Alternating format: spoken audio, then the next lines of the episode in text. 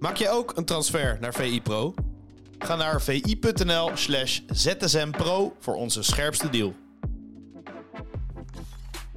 Welkom bij VI ZSM. Dit is de dagelijkse podcast van Voetbal International, waarin we jou elke ochtend zo snel mogelijk, vandaar de naam ZSM, bijpraten over het laatste voetbalnieuws.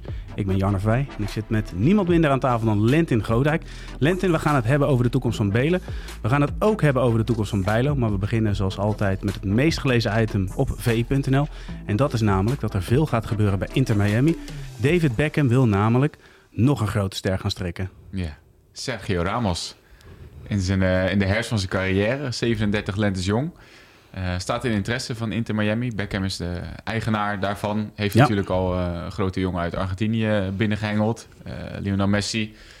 Busquets gaat die kant op. Jordi Alba wordt nu genoemd. En ook Sergio Ramos. Hij bouwt aan de nieuwe Galacticos. Ja, ja het is, uh, begint een buitenaards uh, elftal te worden. Met ook een uh, buitenaards goede keeper natuurlijk die, die erachter staat. Ja. Marsman. Marsman, ja ja.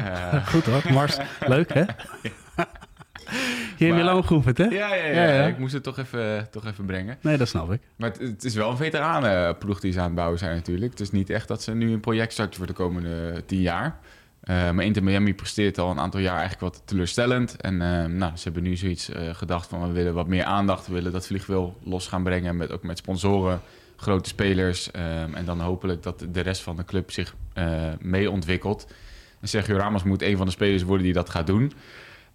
Ik vind het persoonlijk wel jammer, want hij werd ook in, in verband gebracht met Sevilla. Dus oude, dat was mooi geweest, zijn oude, oude club. Ja. Waar hij natuurlijk is doorgebroken, waar hij veel heeft meegemaakt. zijn vriend Puerta, die daar is overleden.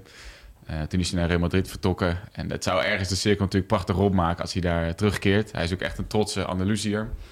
Uh, maar goed, Miami in de laatste jaren van zijn carrière is ook niet verkeerd, toch? Lekker op het strand liggen.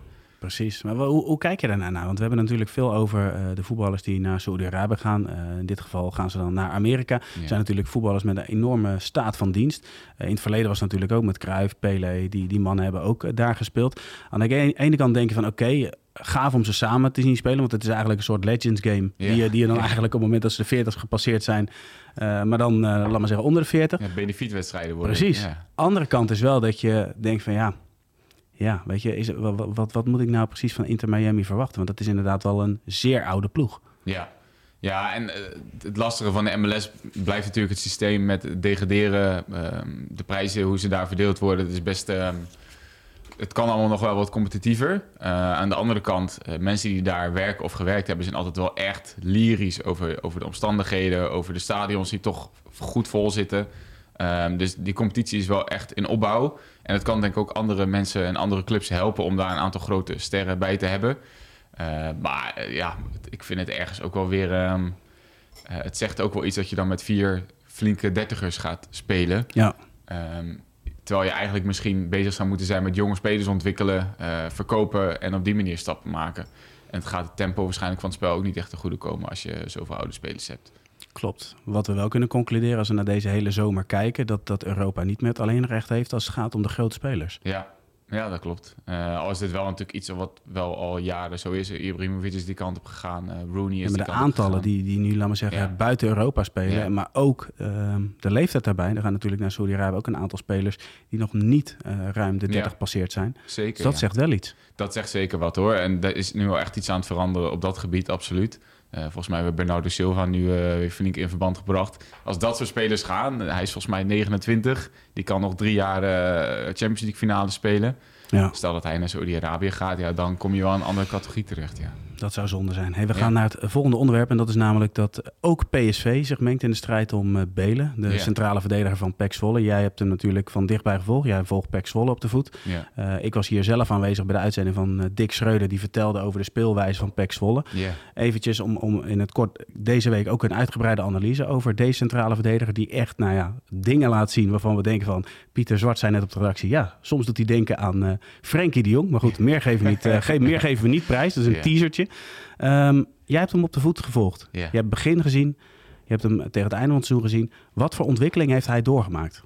Ja, wel een, een spectaculaire ontwikkeling. Vooral als je even een jaar terugschakelt. Um, hij heeft in de laatste speeldag van niet het voorbije seizoen, maar het jaar daarvoor, dus 2022, ja. zijn debuut gemaakt tegen PSV in de basis als middenvelder. Want hij is een hele loopbaan tot dan toe middenvelder geweest. Hij is pas op zijn 16e bij PEC in de opleiding beland. Daarvoor speelde hij bij um, VVOG in Harderwijk.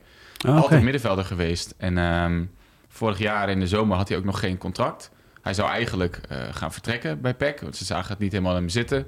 Onder Art Langelen moest hij vaak met de onder 21 ook uh, meedoen. Maar um, nou ja, Dick Schreuder zag kwaliteiten in hem die past in zijn systeem. Want PEC speelde met uh, vijf verdedigers Waardoor je iets meer um, kan afwisselen achterin. Waarbij het vaak bij PEC met drie was, hè? dat ze zo hoog stonden, of die twee, of één. Ja, ja precies. Nee, maar goed, ja. nee, maar je, je lacht erom, maar dat is wel precies nee, zeker. Hoe, hoe, knap het is dat hij als middenvelder soms als laatste uh, man fungeert, laat maar zeggen, in, in het, ja, binnen dat hele team. Precies, dus hij heeft in die voorbereiding heeft hij zijn plek veroverd als centrale man tussen de twee opa's van uh, Pek Zwolle in, zeg ik met uh, alle respect. Maar Bart van Int en Bram van Polen. Precies, die zijn toch wel flink in de 30, volgens mij 37 en 35. Um, en daar stond hij in het midden. En um, hij is enorm gegroeid in de laatste jaren van zijn puberteit, van zijn fysieke ontwikkeling. Hij is nu 1,91 meter. En um, hij heeft het loopvermogen van de middenvelder nog, maar hij komt van achter. En omdat die twee ervaren verdedigers naast hem staan, heeft hij het vertrouwen en de ruimte om in te dribbelen. Dat doet hij dus heel veel. Hij is heel comfortabel aan de bal. Dat heeft hij natuurlijk ook vanuit zijn verleden als, ja. uh, als middenvelder. Uh, dus in die zin paste dat heel erg goed. En hij kreeg daar steeds meer zelfvertrouwen in. Dus in juni tekende hij zijn eerste profcontract. Een paar maanden later werd het alweer verbeterd en verlengd. En uh, ja, dit seizoen op een gegeven moment begon hij aan rushes vanuit zijn eigen 16 tot die andere 16. Ja, dat was wel heel bijzonder om te zien. Uh, het enige wat ik met deze situatie een beetje denk is... Um, hij was heel goed in deze rol die perfect bij hem paste. Um, en ik ben wel benieuwd hoe het is om met vier verdedigers te gaan spelen. Uh, want verdedigen in de top is natuurlijk ook keuzes maken, momenten herkennen, oriënteren. En hij was nu in een positie dat hij ook twee zulke ervaren mannen naast hem had staan. Uh, met een Bram van Polen die hem heel goed kan coachen.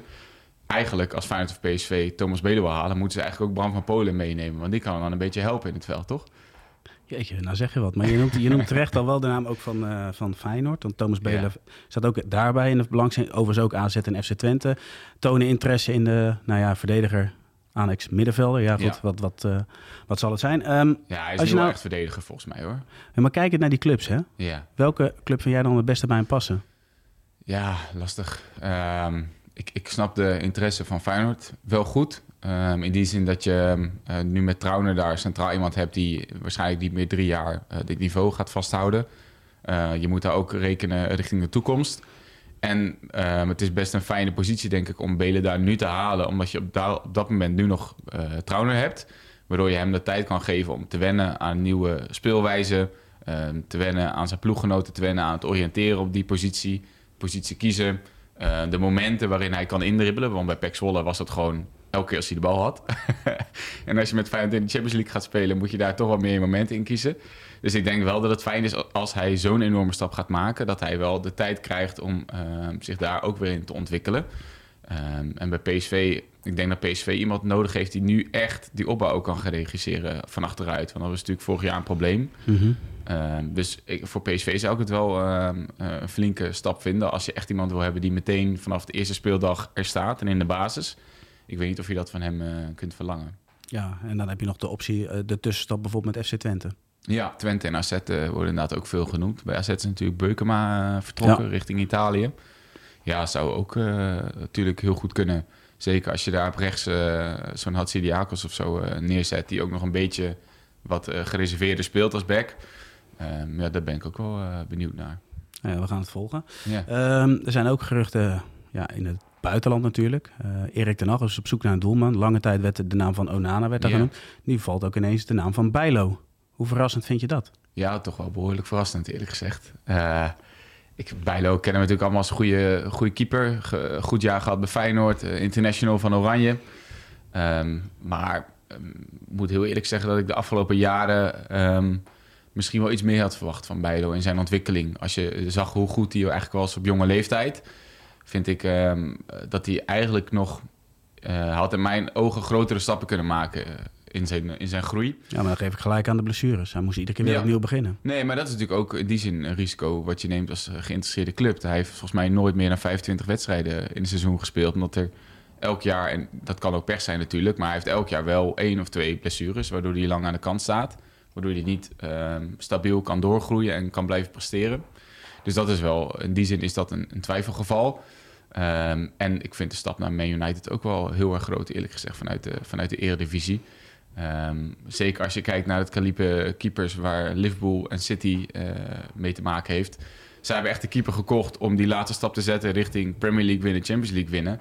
En je verwacht van United eigenlijk ook een statement op dat gebied. En ik denk dat Onana, die net de Champions League finale heeft gespeeld, daar een logischer aankoop in is dan Bijlo. Maar goed, het heeft natuurlijk alles te maken met het uh, prijskaartje. Hè? Ja, precies. Wel of niet haalbaar. Zijn aan de andere kant laten we type keeper ook erbij pakken. Ja. de Gay is natuurlijk een hele grote keeper. Een goede keeper ook. Alleen zijn voetballende kwaliteiten worden nog alles bekritiseerd. Ja. Dat is wat Den Haag ook zoekt. Ja. Zou Bijlo dat wel weer kunnen brengen?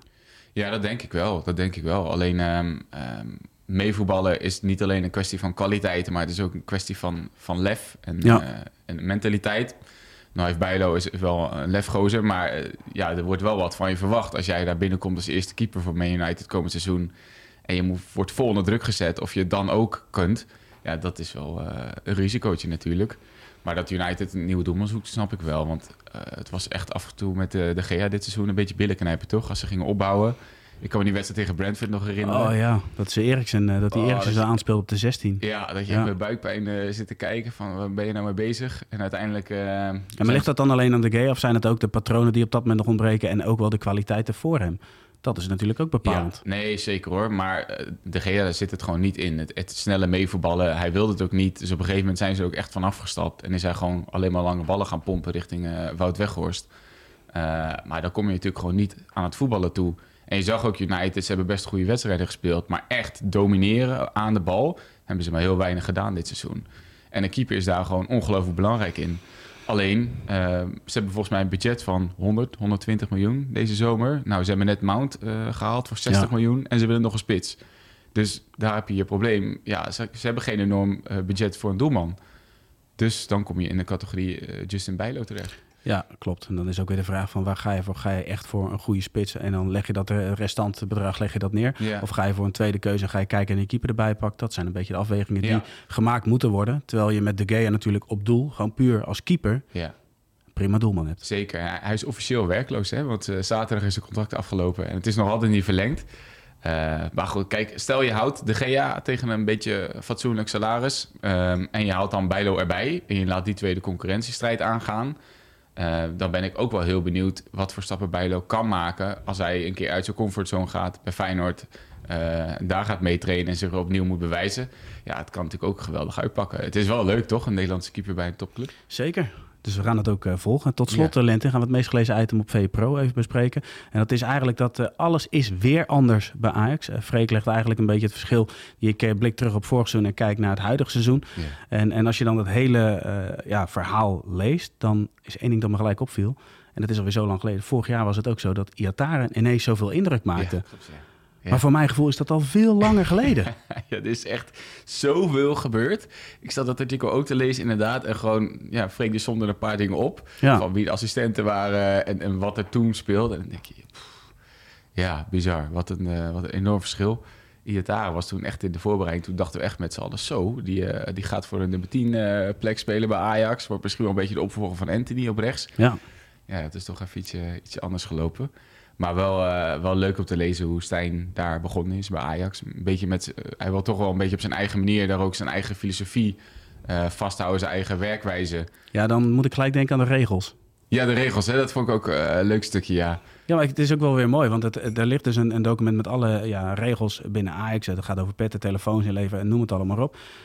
waarbij Stijn eigenlijk zegt van ja, ik heb maar één regel gedraag je gewoon normaal. En, ja. ik, en ik bepaal wat normaal gedrag is. En op het moment ja. dat ik vind dat het te ver gaat, dan grijp ik in. Ja, normaal doen. Dat is eigenlijk het credo. Ja. Ik vind het wel grappig, want het is ook wel een beetje het verschil tussen um, een club als Sparta of clubs een beetje in het rechterrijtje van de Eredivisie en absolute topclubs waar alles is dichtgetimmerd en waar discipline gewoon heel hoog in het vaandel staat. Die, die stap, dat je bij een wat kleinere club soms iets meer gedragsrichtlijnen uh, hebt. En uh, dat er soms wel eens een oogje wordt dichtgeknepen als iemand een hamburger eet. Of ja, je zit nu bij Ajax en, en elke, elke gram telt. Uh, dus dat vind ik wel leuk en grappig om te lezen hoe dat, dan, hoe dat dan gaat. En ik ben ook wel benieuwd hoe hij zich daarin gaat bewegen. Want ja, ja je krijgt natuurlijk wel met andere spanningsvelden te maken.